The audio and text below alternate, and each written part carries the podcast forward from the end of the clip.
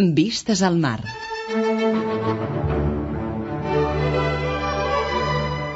Vistes al mar. Una mirada als nostres músics.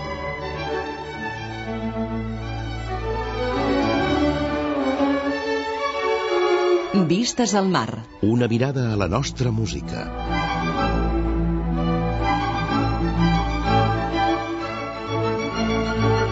Vistes al mar. La música i els músics que han fet història al nostre país.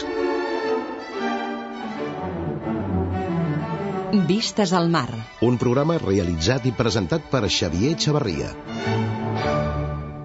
Bona nit i benvinguts a una nova edició de Vistes al Mar, el programa que Catalunya Música dedica a la música catalana, als autors, les obres, els fets i els esdeveniments que han marcat i han deixat petjada en la història de la música del nostre país. Rebeu una cordial salutació de part de l'equip habitual del programa, Alfred Marín, el control de so i qui us parla, Xavier Xavarria. Avui, però, no volem parlar d'un compositor concret o d'un gènere musical, sinó d'un esdeveniment musical i amb àmplies repercussions socials que va tenir lloc a Barcelona ara fa poc més de 50 anys i que va representar una fita importantíssima en la història de la lírica al nostre país. L'any 1955, entre el 16 d'abril i l'1 de maig, Barcelona es va convertir en Bayreuth i el Gran Teatre del Liceu en el mític Festspielhaus en motiu de l'avinguda del llegendari festival wagnerià. Aquest esdeveniment va tenir una forta transcendència musical, òbviament, però també va sotreguejar la vida social i cultural catalana. L'expectació va ser màxima, els preparatius impressionants, es va reformar el Gran Teatre del Liceu, es van celebrar desenes d'actes culturals i institucionals relacionats amb Wagner i amb el seu festival. La classe política de l'època es va mobilitzar, els diaris n'anaven plens i fins i tot es van convocar concursos de paradors al Passeig de Gràcia i es van guarnir carrers amb motius wagnerians. La febre Wagner va envair Barcelona durant unes setmanes en ple franquisme, en una societat grisa, aïllada, trista i fosca. Per als melòmens catalans va ser un regal, i per al règim de Franco, una oportunitat d'obertura a l'exterior Avui a Vistes al Mar volem parlar d'aquells 15 dies màgics en què Barcelona va acollir el Festival de Bayreuth amb els millors cantants i directors de l'època i amb tres colossos operístics de Wagner, el Tristany i Isolde, la Valquíria i el Parsifal. Qui va aconseguir portar-los i com s'ho van fer? Com ho va viure la societat catalana? Quins comentaris es van fer a la premsa? Quins actes paral·lels s'hi van organitzar? Què ens queda d'aquest esdeveniment? Doncs, per començar, ens queda un enregistrament mític, llegendari. L'enregistrament que es va fer d'una de les funcions de la Valquíria al Gran Teatre del Liceu. Així va sonar el dia de la Mare de Déu de Montserrat de 1955 a mans del Festival de Bayreuth.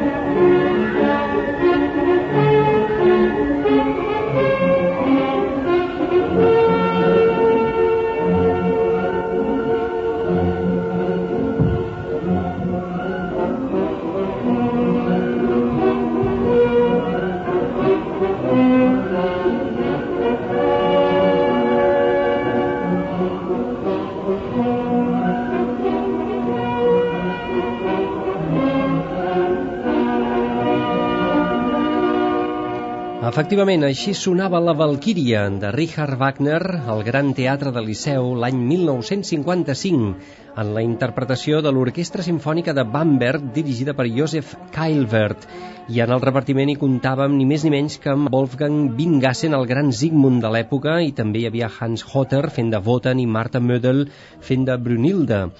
I aquest és un dels testimonis més valuosos que queden d'aquell esdeveniment, un enregistrament que ha estat reeditat recentment en disc compacte i que avui tindrem l'ocasió d'escoltar en diversos moments del programa. Vistes al mar de Catalunya Música avui recordarà els 15 dies de somni que van suposar la vinguda del Festival de Bayreuth a Barcelona. I ho farem amb una persona que coneix molt bé tots els detalls d'aquell esdeveniment. Avui tenim el plaer de compartir aquesta estona a Catalunya Música amb Rosa Massaguer, periodista especialitzada en relacions internacionals, corresponsal a Londres i a Roma per al periòdico i també per aquesta casa, per Catalunya Ràdio, i actualment redactora en cap d'aquest diari, del diari El Periódico. Senyora Rosa Massaguer, bona nit, benvinguda i gràcies per acceptar la nostra invitació. Bona nit. Aquesta versió que estem sentint de fons és la reedició discogràfica d'aquell enregistrament que es va fer el dia de la Mare de Déu de Montserrat el 27 d'abril del 1955, oi? I que té una història realment rocambolesca al darrere. Exactament, i té una història eh, més que rocambolesca, mm, divertida i interessant. Eh, I la història, per explicar-la breument, és la següent. Al Teatre del Liceu hi havia una empresa eh, que era la que s'ocupava del taló, que era una empresa d'uns senyors que es deien segalers. Aquests senyors segalers eren molt aficionats a Wagner, molt, molt aficionats a Wagner, fins al punt de que a casa seva tenien un teatret d'unes dimensions eh, reduïdes, perquè el, tenien al pis de casa seva, un teatret que feia 90 centímetres d'amplada per eh, 50... Mig metre d'alçada, ah, exacte, sí. exacte, uh Mhm. -huh. una cosa així. I eh, en aquest teatret hi feien representacions de Wagner amb unes figuretes que no eren ben bé titelles perquè eren, eh, eren mogudes mecànicament. Jo suposo que la família Segalés, doncs, que eren tots, eh, si no enginyers, com a mínim molt manetes, llavors eren capaços de tenir totes aquestes figures que es movien eh, mecànicament i representaven òperes eh, de Wagner. Donada la relació que va tenir el senyor Segalés pare amb el representant de la família Wagner a Barcelona, Dels nets de Wagner, eh, i de exactament, Wolfgang. Doncs eh, el senyor Segalés un dia va convidar el senyor Ipser, que es deia, com es deia el representant dels Wagner aquí a Barcelona, i li va dir, miri, a casa meva tenim un teatret, diu, vingui, un dia em farà gràcia que el vingui a veure i tal, i l'altre va dir, ah, sí, sí, doncs ja vindré un dia. Total, que un dia el senyor Ipser va anar a casa del senyor Segalés, va veure aquell teatret, va quedar meravellat i va dir, escolti, això ho ha de veure el senyor Willem Wagner quan vingui a Barcelona. I, efectivament, quan el senyor Willem Wagner va venir a Barcelona, van anar amb el senyor Ipser a casa del senyor Segalés a veure el teatret. Llavors el senyor Segalés va aprofitar la vinentesa per dir-li, escolti'm, mmm, perquè ells feien les representacions les figuretes i posaven un disc. Diu, escolti, diu, per què no ens deixa gravar una representació dels festivals aquí al Liceu? Diu, i així, quan fem les representacions a casa, doncs podrem tenir la música del festival. I se'ls hi va donar el permís. Mm -hmm. I efectivament es va muntar una mena de, de gravació eh, molt rudimentària eh, perquè en tota la, en tota la sala eh, van posar exactament cinc micròfons n'hi havia eh, tres que estaven del, a l'escenari un que estava a l'orquestra i un, el cinquè estava a la llotja número 11 del tercer pis, que era la, llo la llotja que tenia la, la família Segalés. Uh -huh. Es va fer aquesta gravació i d'aquesta gravació se'n van fer cinc còpies en vinil, que eren les que tenia la família i, i, i algú més. D'ús domèstic, vaja, en Era principi. totalment, no, no, no, no, era una allò. cosa casolana. No hi havia la voluntat de fer-ne còpies, ni no, vendre-les, no, no, ni no, no. voluntat l'única eh? voluntat era la de poder disfrutar a casa d'aquell teatret, però Sí. amb la música eh, gravada de la representació del Liceu, que va ser la representació de la, de la Valquíria. Mm, bé, això va ser així, d'aquestes eh, gravacions mm, van quedar doncs, això, amb aquest ús totalment privat,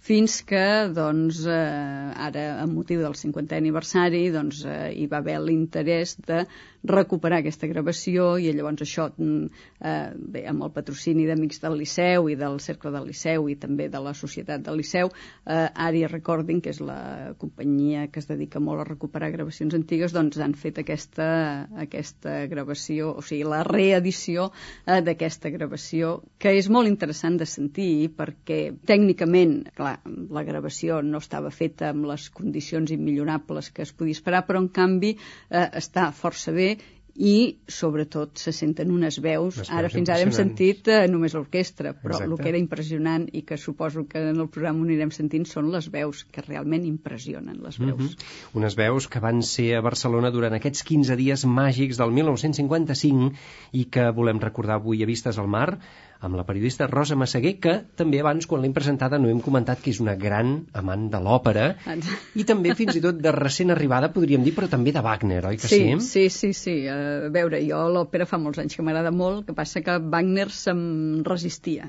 I se'm resistia, doncs, potser perquè jo penso que Wagner, si entra, si arriba Wagner, el moment en què un està preparat per entrar-hi, diguem-ne. I a mi se'm va resistir molt, però al final... Eh, al final no, al final hi he entrat i la veritat és que, en fi, eh, Wagner és Wagner. Ja ho crec. Aquesta societat de l'any 55, la societat de l'època, devia ser força dura. Com es vivia a Barcelona l'any 55? Abans, hem, en la presentació, hem parlat de que estàvem just gairebé sortint del racionament, Mm, dels afusellaments sí, al camp de sabia la que bota... feia poc que havia acabat el, el racionament, el, els afusellaments ja no n'hi havia, feia un any, l'any 54 havien arribat els, els, eh, els de repatriats de, Soviètica, Rússia, no? de la Mhm. Divisió Azul. Era una societat molt, molt trista, molt grisa. I jo, jo, llavors I era molt, jo, castigada era fins molt, a la jo era. Molt petita i el record que jo tinc de la societat de l'època és d'una grisor eh, espantosa, una cosa molt trista. Espanya vivia eh, completament aïllada. Vull dir, Espanya es va obrir una mica al món a partir de l'avinguda del president Eisenhower l'any 59, que va ser quan es va trencar l'aïllament i a partir de llavors Espanya va entrar a Nacions Unides i tot això, però l'any 55 eh, tot això no existia, vull dir, es vivia eh, absolutament tancats amb aquesta cosa grisa i sobretot trista, no? Eh, que era l'Espanya de l'època. I per què van acceptar el Festival de Bayreuth si no havien sortit mai d'Alemanya? De fet, A veure- només han sortit una vegada més en tots aquests anys. L'any 70 van anar a i no- Osaka, i no hi han tornat. I no hi han tornat mai més, no? Però, és a dir, un, sortien d'un- d'una etapa ells també força convulsa, Home, crucial, amb molts canvis, sí, a no? veure, aquí es van ajuntar, veiem, les coses no venen mai soles, i en aquest cas aquí es van ajuntar diverses coses. Eh, en primer lloc, no era la primera vegada que s'intentaven portar els festivals de Bayreuth a, aquí a Espanya. Això ja s'havia intentat molts anys enrere, s'havien intentat fins i tot s'havia intentat entre l'associació wagneriana d'aquí i la de Madrid. Hi havia hagut un intent molt antic, que era una cosa que si s'hagués fet hagués sigut bastant espectacular, que era de fer una mena de, de portar els festivals, o fer com una mena de festivals a mig camí entre a Madrid i Barcelona, al monestir de Pedra Ui. de Saragossa. Déu-n'hi-do. Eh, un paratge uh -huh. curiós. Bé, això s'havia intentat. O sigui, mm, els wagnerians sempre havien intentat eh, portar i fer alguna cosa aquí. I això no, no ho havien aconseguit. Fins que l'any 51 l'associació wagneriana celebrava el seu 50è aniversari. I també l'any 51 va ser l'any en què els eh, Wagner van aconseguir reobrir el teatre a Bayreuth després de la eh, quarantena de desnazificació per la que havien hagut de passar. I llavors aquí hi havia d'una banda eh, això, l'interès dels wagnerians en portar-ho, l'interès de la família Wagner de sortir al món i una mica de dins hem rentat la cara, eh, això ja no és el que era, perquè, evidentment, eh, l'ús i l'abús i el mal ús que es va fer de Bayreuth per part de Hitler mm, personalment, perquè era un dels que estaven sempre allà en primera fila, i per l'ús del nazisme, eh, dels festivals i de la música de Wagner en general, clar, els Wagner havien de passar per aquesta, diguem-ne, etapa desnazificadora, van tenir el teatre tancat fins a l'any 51. I llavors, doncs, això coincideix, comença a coincidir això, que els wagnerians volen, volen fer alguna cosa aquí, que l'any 51 Bayreuth reobre, però que a més a més ha d'explicar, d'ensenyar al món que ja no són els d'abans, la Que família és la rentat la mateixa, cara, però s'han rentat la cara. Uh -huh. I després hi ha l'altra tercera part, que és l'interès del propi règim franquista en aquesta situació d'aïllament internacional, de dir, ei senyors, fem això, eh, obrim-nos i fem veure que això és una cosa fins i tot una societat una mica normal, perquè venen aquí estrelles de l'òpera més important i, per tant, doncs, era també una mena d'operació de propaganda per part del, per part del règim, no? de, fer, de fer venir els festivals. Vull dir que es van ajuntar tots aquests elements que tothom tenia una necessitat. O sigui, tothom era, era una d'aquelles coses amb les que tothom hi guanya. No? O sigui, el règim figura que hi guanyava amb, amb, amb, amb sensació d'obertura, la família Wagner hi guanyava amb la sensació de dir, bueno, ja no som el que era, i després, bueno, els wagnerians doncs, també hi guanyaven. El que és curiós és per què a Barcelona i no pas a Madrid? És que a Barcelona hi havia una força molt més important pel que fa a l'esperit wagnerià que no pas a Madrid? Barcelona ha estat sempre tradicionalment wagneriana fins a tal punt de passar Home, per davant eh, de la a veure, capital? a, a Madrid hi, va haver, hi havia una societat, una associació wagneriana important, Però però, no esclar, mai? Mai, Barcelona, Bayreuth? no, no, no, però és que esclar, Barcelona té molt, tenia molts mèrits, molts, molts mèrits. Barcelona va ser el primer lloc d'Espanya on es va sentir les primeres notes de Wagner. Això va ser la, Mitjans un del segle XIX, va no? ser l'any 1862, Fixa't. quan es va cantar la marxa, es va fer la marxa de Tannhäuser, en el, això... Dirigida pel Josep Dirigi- Anselm Clavé, Ah, precisament. exactament, uh Mhm. -huh. dirigida per en Josep Anselm Clavé. Eh, això és importantíssim. Després hi ha l'altra fita que converteix Barcelona en una capital wagneriana important, que va ser el famós Parsifal, eh, la primera que de fet no era la primera, però sí la primera autoritzada, diguem-ne, eh, representació del Parsifal fora de Bayreuth, quan va vèncer el termini que havia imposat el mateix Wagner per representar Parsifal fora de, del festival. Aquell Això va ser... 31 de va- desembre a les exact- 11 de la nit, ah, no? Exactament, hora. jugant amb... Vull dir, Amb el això- canvi horari de l'hora de Ah, diferència. exactament, vull dir, llavors això també és, era un altre mèrit que tenia Barcelona, diguem-ne, per apuntar-se a aquest gran tanto que va ser la portada, l'avinguda dels festivals, no? Quatre anys abans, val a dir també que Wilhelm Wagner havia estat a Barcelona amb motiu d'aquesta exposició que es va fer amb motiu exacte, del o sigui, 50 motiu aniversari. 50è aniversari de la Wagneriana eh, va ser quan eh, es va fer una exposició al Tinell, que em sembla que es deia el, el Mundo de Wagner, i llavors aquí va ser quan va venir... Aquí, aquí va ser realment on, te, on aquests interessos van començar a materialitzar-se.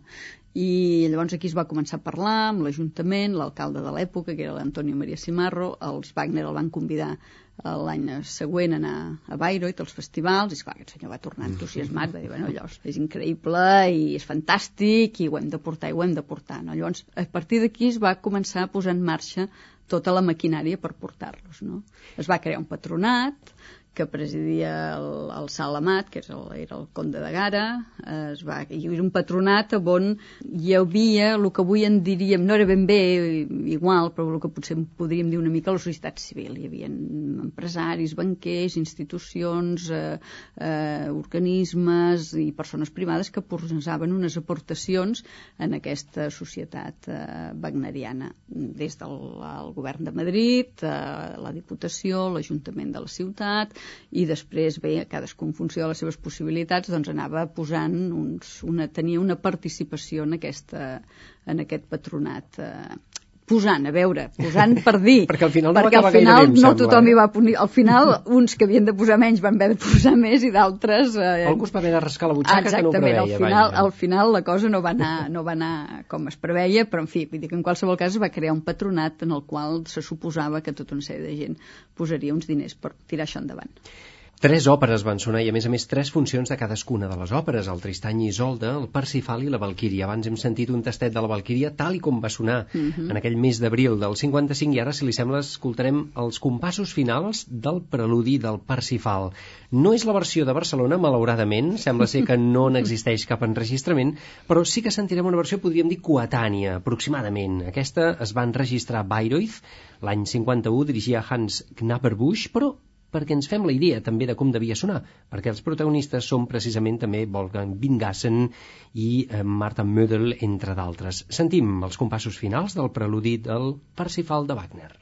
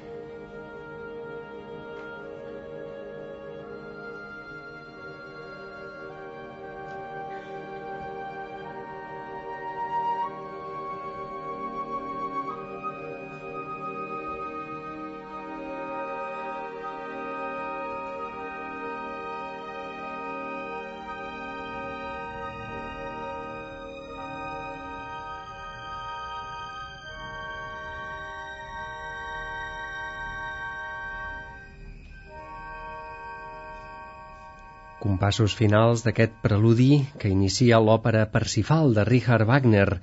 Aquesta és una de les òperes que va sonar també en aquell, en aquell any 1955 a Barcelona, al Gran Teatre del Liceu, amb motiu de la vinguda del Festival de Bayreuth. Aquí, però, l'hem sentit en la interpretació que en va dirigir Hans Gnapperbusch a Bayreuth mateix, en aquesta petita vila bavaresa, l'any 1951. Vistes al mar. Una mirada a la nostra música. Seguim a Vistes al Mar, a Catalunya Música, parlant amb la senyora Rosa Massaguer d'aquest fenomen tan espectacular que es va donar l'any 1955 des del punt de vista musical, però també cultural i social, podríem dir, perquè realment tota la societat catalana se'n va assabentar de que arribaven els de Bayreuth, els wagnerians. No sé fins a quin punt la gent esperava que vinguessin els cantants doncs, amb els cascos, amb les banyes i amb, les, amb tota aquella... La posada en escena d'aquestes òperes, senyora Massaguer, mm. no va ser ben bé la que era d'esperar, oi no. que no? Hi havia també una neteja de cara des del punt de vista estètic, oi? Exactament. Eh, quan eh, Bayreuth es van, van recuperar el festival l'any 51, evidentment no podien fer-ho amb aquella estètica de l'època eh, d'abans de la guerra. Realment les coses eh, havien canviat i s'havia de fer amb una altra estètica i els uh, Wagner, els, uh, els nets, en, però sobretot en, en Wieland, uh, van crear tot un estil molt nou, molt diferent, un estil que en el qual hi havia molt pocs elements, o sigui, el cartró, el paper, uh, tota la fusta, la, no? la representació uh -huh literal, eh, tot això desapareixia i en canvi eh, portaven unes representacions eh, molt austeres, molt estàtiques, amb on es creaven uns ambients i es anaven uh, insinuant les situacions sobretot a través de la luminotècnia. Hi havia el famós eh, ciclorama, que era aquesta peça circular en la qual es reflectia una sèrie de coses que donaven aquests ambients, aquestes situacions. Clar, això era un canvi mm, radical, això era la modernitat del moment més uh, ultramoderna més avançada i comparada més eh? amb, amb el que es feia, s'havia fet fins a llavors, uh, no només al Teatre del Liceu, sinó uh, amb altres teatres. Uh, llavors hi havia molts comentaris d'aquells de dir què en deu dir en Mestres Cabanes, què en deu dir en Rubirosa, tots els grans escenògrafs eh, històrics del Liceu. No? Hi ha una crònica molt divertida en un diari, una crònica d'en Sempronio, que explica, eh, fa la crònica d'un assaig. I llavors està, escolta com dos maquinistes d'allà del teatre estan comentant la jugada, no? I, i un li diu a l'altre, diu, mira, mira, diu, eh, Diu, aquell tio Diu, fixa't tu, diu, amb un, amb un canó de llum, diu, està creant allà una boira i no sé què, i no sé què. Diu, però diu, jo ja li he vist el truc en aquest tio, diu, perquè tot això... I esclar, aquest tio era el Willem Wagner. parlant. Es referien al mateix Estaven, nit del I després és això, no? Com, eh, la sensació aquesta molt de dir què en dirien en, en, uh -huh. en, mhm. més, sobretot Mestres Cabanes, que era l'escenògraf. Recordo fins i tot algun comentari també que també es feia referència doncs, a que de cop i volta s'havia passat del paper, del cartró sí. i de la fusta a tot de ferro, tot metàl·lic. Diu, això ja sembla l'interior d'un submarí. submarí. Exactament, oi? exactament. això em sembla recordar que també era el Semproni el que ho deia. Havia de ser molt traumàtic, eh? De... És que, és clar, és que era una cosa que no tenia res a veure, sobretot per, una, per un públic que li havia agradat tant el Wagner i que havia vist tant Wagner, perquè veure, una cosa és que tu vas a veure, no sé, un, unes òperes d'un compositor que no coneixes, però justament la, eh, la societat eh, eh, catalana i concretament la barcelonina eh, que anava al Liceu, mm, el Wagner el coneixia coneixien de dalt a baix, vull dir que no... no. -huh. Llavors, esclar, tot això era, era molt... Molt trencador molt, i molt agosarat, eh? Molt xocant, no? Llavors hi havia una anècdota realment molt divertida d'un d'aquests uh, aficionats, però poc entusiasmats amb l'idea de que si Montserrat uh, era el Montsalvat o no, que deia, home, diu, de totes maneres, esclar, diu, si hem de pensar que el Montsalvat era Montserrat, diu, també hem de pensar, doncs, que Clinsor deu ser o Martorell o bé Igualada. per la distància, exacte, sí, sí. Déu-n'hi-do. Clar, estem parlant d'una època en què el Gran Teatre del Liceu no estava precisament massa preparat per acollir no. espectacles de gran envergadura des del punt de vista tecnològic, fins i tot. Em sembla que el Festival de Bayreuth va, fer, va tenir una sèrie d'exigències perquè es reformés, oi que sí, pròpiament, el Liceu? El, el Liceu que al final va haver de pagar una factura una mica alta de tot això, però va tenir la gran oportunitat de reformar-se, eh, que era una, una... En fi, el Liceu necessitava reformar-se, el Liceu no estava en condicions, era un teatre que s'havia quedat molt vell, era un teatre, doncs bé, que havia passat per totes les dificultats eh, de la guerra, on s'hi feia, de la guerra espanyola, eh, on s'hi havia fet de tot, havia, després havia tornat a continuar les representacions, però era un teatre amb unes condicions tècniques molt dolentes. Evidentment, els Wagner van dir que, en fi, que ells quan ja es van posar d'acord a venir, però no d'aquella manera. De totes maneres, deixi'm afegir una cosa. Originalment, els festivals no s'havien de fer al Liceu. Els festivals s'havien de fer al Palau Nacional de Montjuïc, a la Sala Oval. Ah.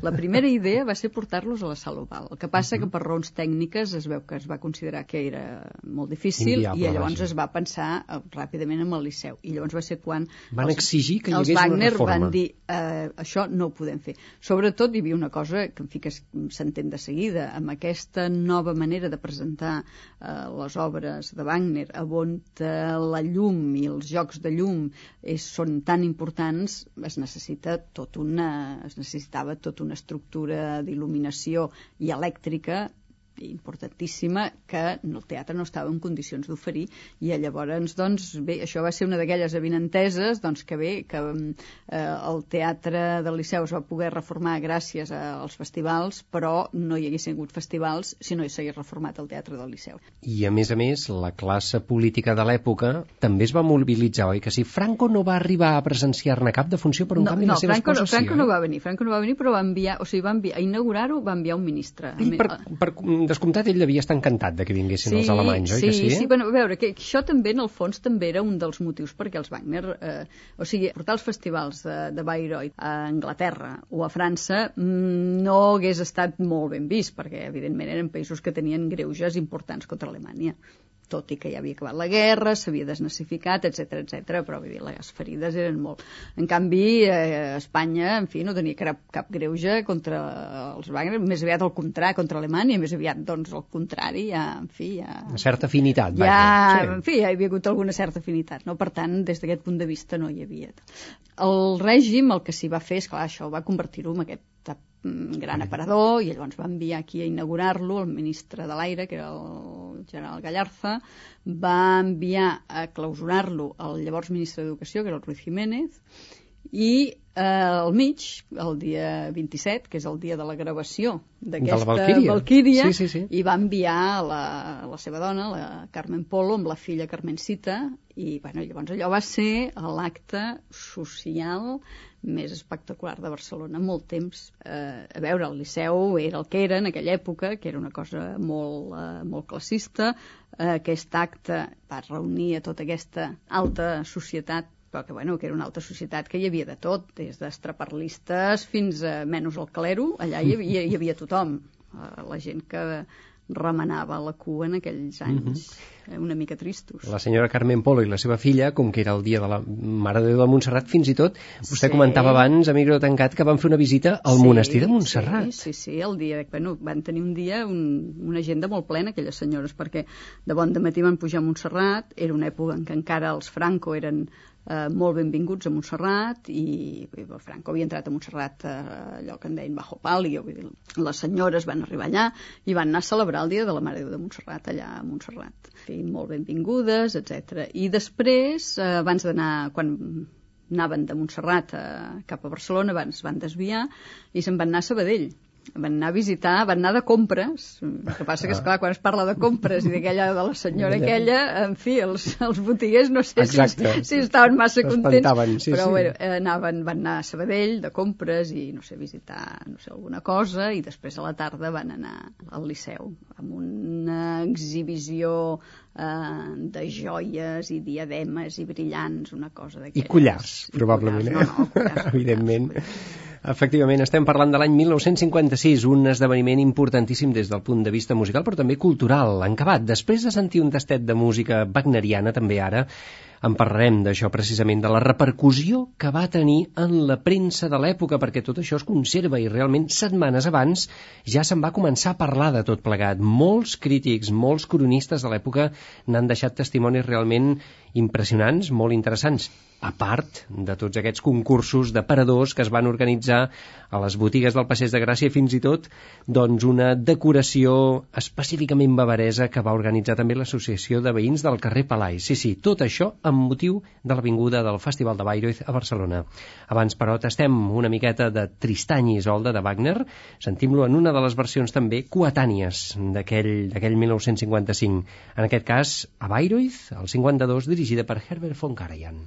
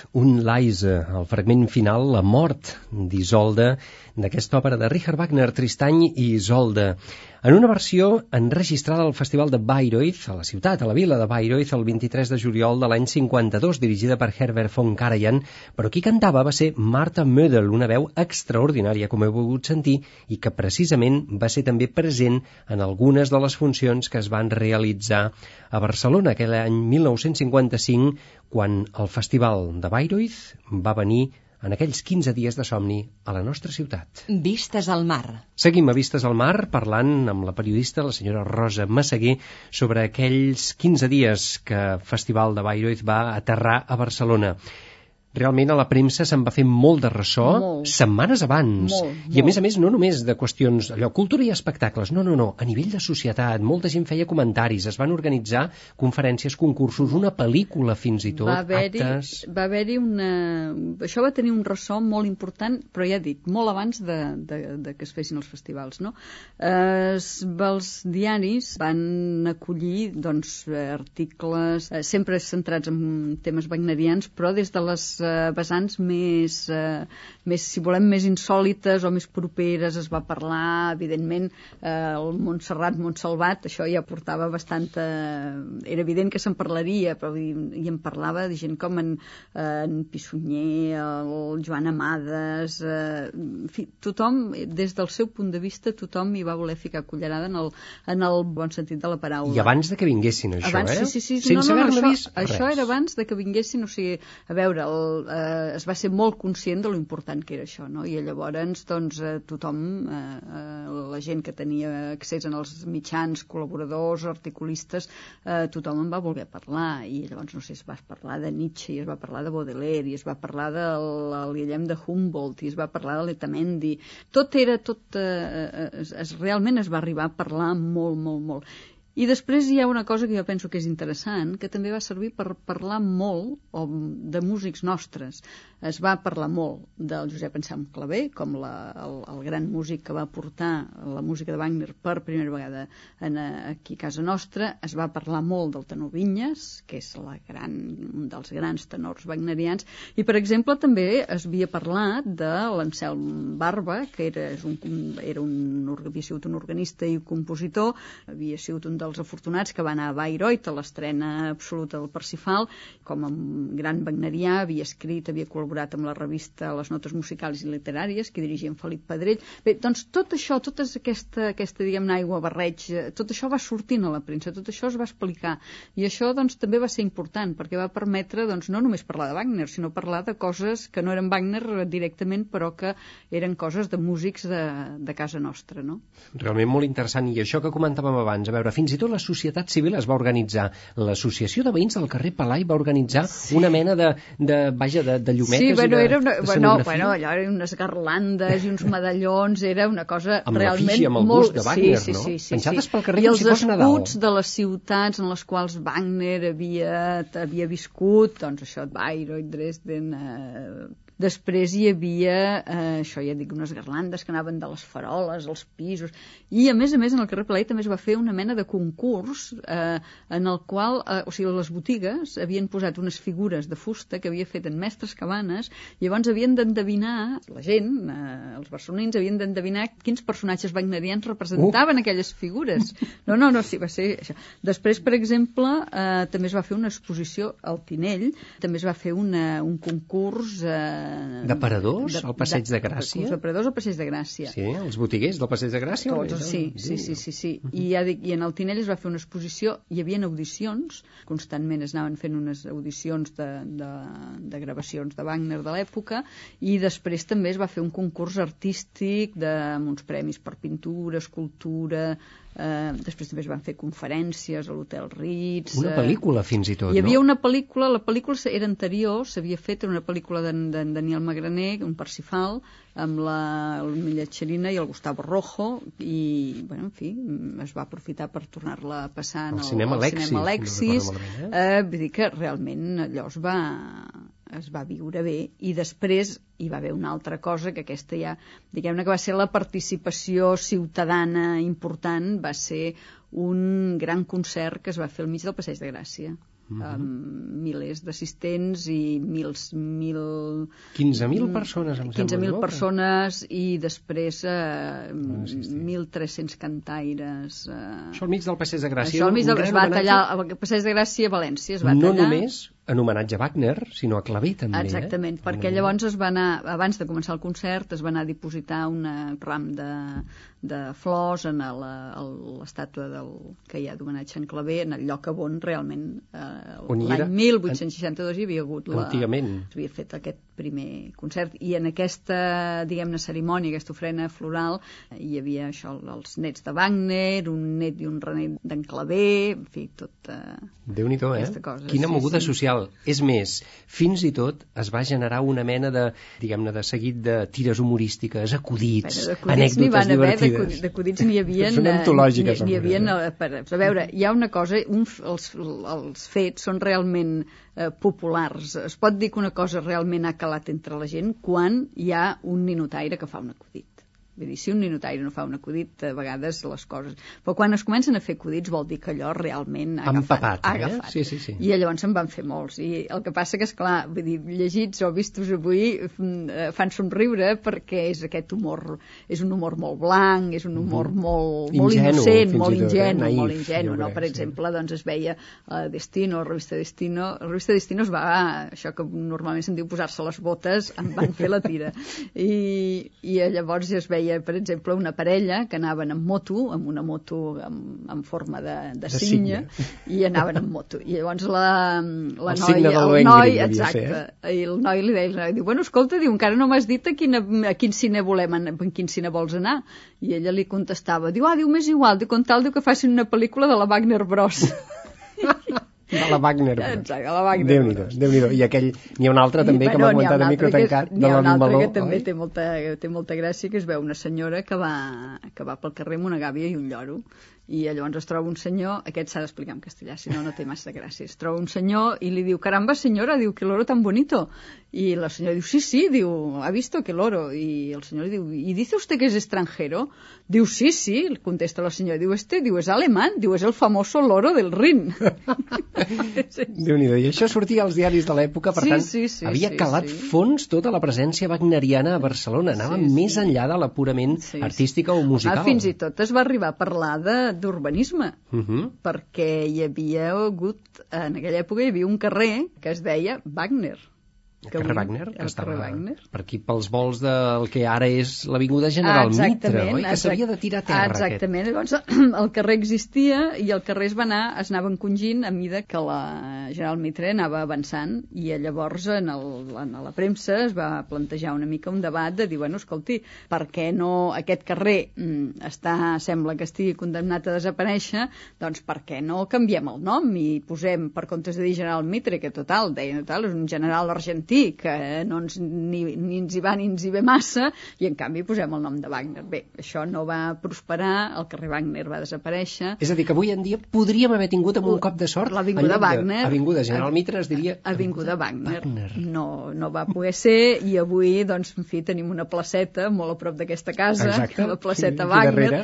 Està en bona companyia, perquè està en companyia del carrer Beethoven. I de Mozart, i de, i del mestre Nicolau, sí, etcètera, però en fi, però- hagués estat bé no tenir la per crec, ens de General haguéssim Mitre. consagrat com a ciutat wagneriana Exacte. al límit, eh? Fins i tot sembla que hi havia merchandising, hi havia anuncis a la premsa Bueno, sí, on es feia referència a rellotges per arribar puntual o Sí. fins i tot amb maquillatges Sí, específics una per anar a veure. hi va haver una casa que, que d'una feia cosmètica, una casa que avui està no existeix, que anunciava eh, això, els seus maquillatges, eh, dient això, els maquillatges ideals per anar al Liceu, als festivals Wagner, i després hi havia una casa de rellotges del Passeig de Gràcia, que avui tampoc existeix, que deia això, eh, si no vol arribar tard als festivals Wagner, eh, compris un rellotge d'aquesta casa, que arribarà bé, i tal i tal.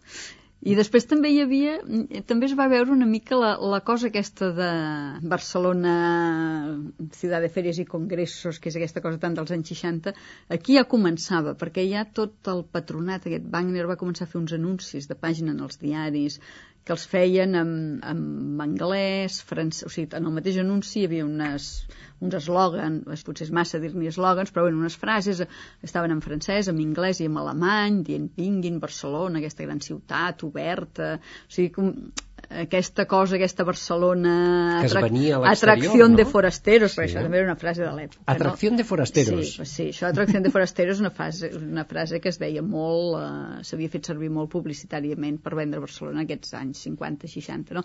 Doncs era una mica ja, això ja també ja entrava dins d'aquesta cosa d'explicar Barcelona en els de fora, traure la gent de fora, que després, bé, en fi... Eh, Ha tingut tota la ha- seva ha- tradició, Ha, eh? ha, ha tingut molt èxit perquè, perquè, en fi, el turisme aquí a Barcelona avui és el que és, però vull dir que, que això ja ve d'allà, no? Ve de lluny, vull dir. Déu-n'hi-do, déu nhi déu I així va sonar la música de Wagner. Tornem a escoltar un altre petit fragment, en aquest cas dos minuts i escaig, de la Valquíria, una de les òperes, d'aquestes tres òperes que van sonar en aquells 15 dies d'or màgics pels músics, eh, pels melòmens de Barcelona, d'arreu del país, en què el Festival de Bayreuth va aterrar al Gran Teatre Liceu. Així va sonar el preludi del segon acte de la Valquíria.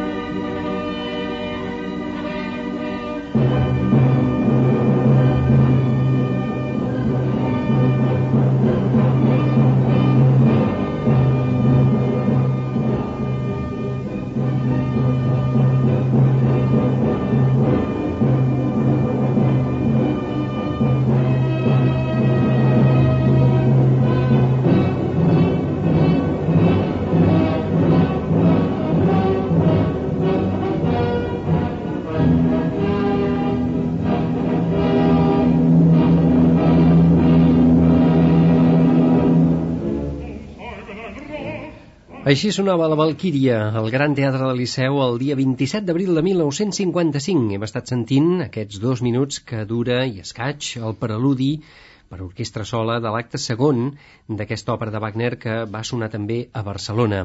I val la pena parlar i comentar què em va dir la crítica, perquè entre els crítics n'hi havia d'aquests il·lustres, per exemple, Xavier Montsalvatge, que va quedar com una miqueta descol·locat amb tot allò. Què em En, deia la en crítica? general, la crítica va ser entusiasta. Va ser molt entusiasta de, de les veus.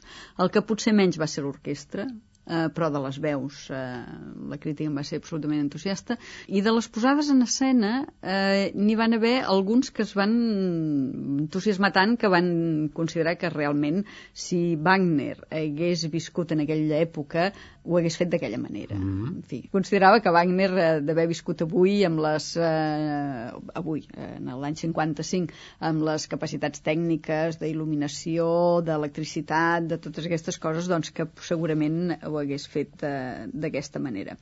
I per tant, doncs, mm, per la crítica, realment allò va ser un, va marcar un abans i un després de les representacions eh, operístiques i en, en general i, i en particular eh, wagnerianes eh, aquí a Barcelona.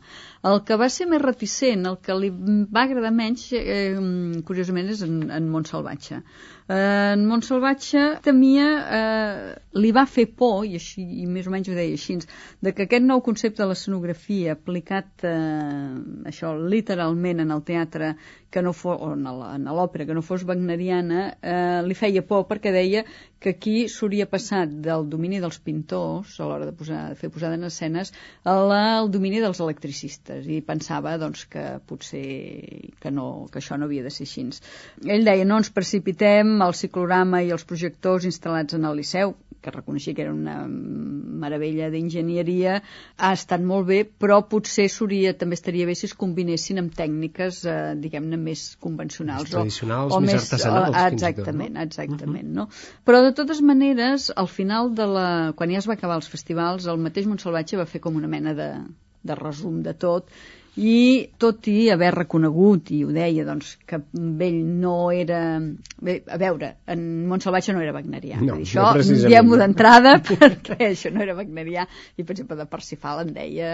Pistes. pistes. uh, però, tot i això, tot i aquesta... tot i el que pensava i tot el, el que, versió, les coses no? que no li havien acabat d'agradar, ell va reconèixer que el de portar als festivals aquí havia sigut una cosa molt important i deia, literalment a la revista de Destino deia eh, seria injust quan a Barcelona és tan difícil que s'organitzin espectacles d'envergadura minimitzar la importància d'aquests festivals. I deia bueno, que en aquestes pàgines s'hagin expressat, les pàgines de Destino, eh, l'opinió compartida per molts aficionats a la música. Ell, de, ell venia a dir doncs, això, que se, se n'havia fet un gra massa, que Wagner s'havia de posar als seus límits, però que tot i això havia sigut una, una fita eh, molt important portar aquests festivals eh, en aquí. Clar, ell també recordava una cosa que també val la pena, jo penso que és de justícia recordar-la, que eh, les veus que van venir van ser molt importants, però també deia, però això, aquestes veus tampoc ens fan oblidar les que també ja hem sentit cantant Wagner aquí, des de, doncs això, la Kirsten Flagstad, que havia actuat eh, els anys anteriors, o la Gertrude Gross-Brandl, o la mateixa Victòria dels Àngels i aquestes també van ser reivindicades en aquestes notes de premsa. Un festival Wagner que des d'aleshores només ha sortit una vegada més al llarg d'aquests 50 mm. anys a l'estranger. Va ser l'any 70 a Osaka, al Japó, i mm. des d'aleshores no ha tornat a sortir mai més. Això es pot considerar gairebé un èxit per la ciutat de Barcelona, un sí. privilegi, no? Sí, sí, sí, un privilegi uh. -huh. absolut. De fet, quan es va acabar el festival i es va, es va, va haver l'intent de que això tingués una continuïtat, i des de l'Ajuntament eh, doncs es va pretendre que això continués. Que tornessin a venir, vaja. Que tornessin a venir, però és clar, això de si els festivals tenien futur o no, no va quedar mai massa clar. En el, el mateix Comte de, de Gara, amb unes declaracions que feia la llavors eh, Vanguardia Espanyola, deia que sí, que li agradaria, però no deia ni sí ni no, i bé, al final, és clar, no deia ni sí ni no perquè ja sabia que els números no quadraven. No quadraven. I que llavors això va acabar una mica, des d'aquest punt de vista, diguem-ne que va acabar una mica malament. També es va tornar a intentar, va tornar a córrer la idea de fer-lo al Palau Nacional de Montjuïc, com originalment s'havia previst, però això tampoc no va prosperar, i això ja eh, una mica desvinculat dels festivals, també s'havia parlat fins i tot de fer un escenari a Montserrat Uh. Ah, sí, sí, sí. sí I a l'aire lliure pot ser amb Però, el... bé, en fi, això no, tampoc no tal. En qualsevol cas, el patronat, eh, aquest patronat es va dissoldre l'any 56, es va dissoldre eh, la delegació al govern civil amb una mena de cerimònia, en fi, un peripé una mica infame, perquè es va fer veure que s'havien guanyat diners i que llavors que els diners, perquè originalment s'havia dit o constaven a l'hora de, de crear el patronat que si sobraven diners anirien a beneficència i llavors doncs, es va fer aquest peripé de que havien sobrat uns diners que anaven a, no sé, a beneficència, va fer aquelles coses. Però en realitat Però en realitat, en realitat hi va haver una sèrie de gent, entre ells doncs, la Societat de Propietaris del Liceu, que es van haver de rascar la butxaca a base de bé. També és cert que va quedar un teatre en molt bones condicions a l'època que la ciutat va estar contenta, que els wagnerians i malòmens van estar entusiasmats i, en fi, el resultat, doncs, eh, va estar bé. Va pagar la pena, sí senyor. Així ens ho ha explicat avui la senyora Rosa Massaguer, que ha compartit aquesta horeta de Catalunya Música al programa Vistes al Mar, que hem volgut dedicar en aquesta vinguda del Festival Bayreuth a Barcelona. Això va passar des de mitjans d'abril del 1955 fins a primers de maig. Va ser 15 dies, van ser 15 dies màgics, 15 dies d'or pels melòmens que avui hem volgut recordar aquí amb la col·laboració, amb la sàvia aportació de la senyora Rosa Massaguer. Moltíssimes gràcies per haver assistit avui a Vistes al Mar. Gràcies a vosaltres. Ens acomiadem. Hem estat amb vosaltres Alfred Marín, el control de so, i qui us parla, Xavier Xavarria, que acabeu de passar una molt bona setmana. A reveure. Vistes al Mar.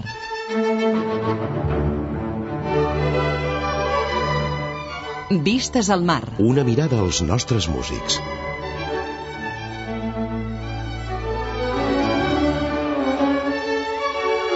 Vistes al mar. Una mirada a la nostra música.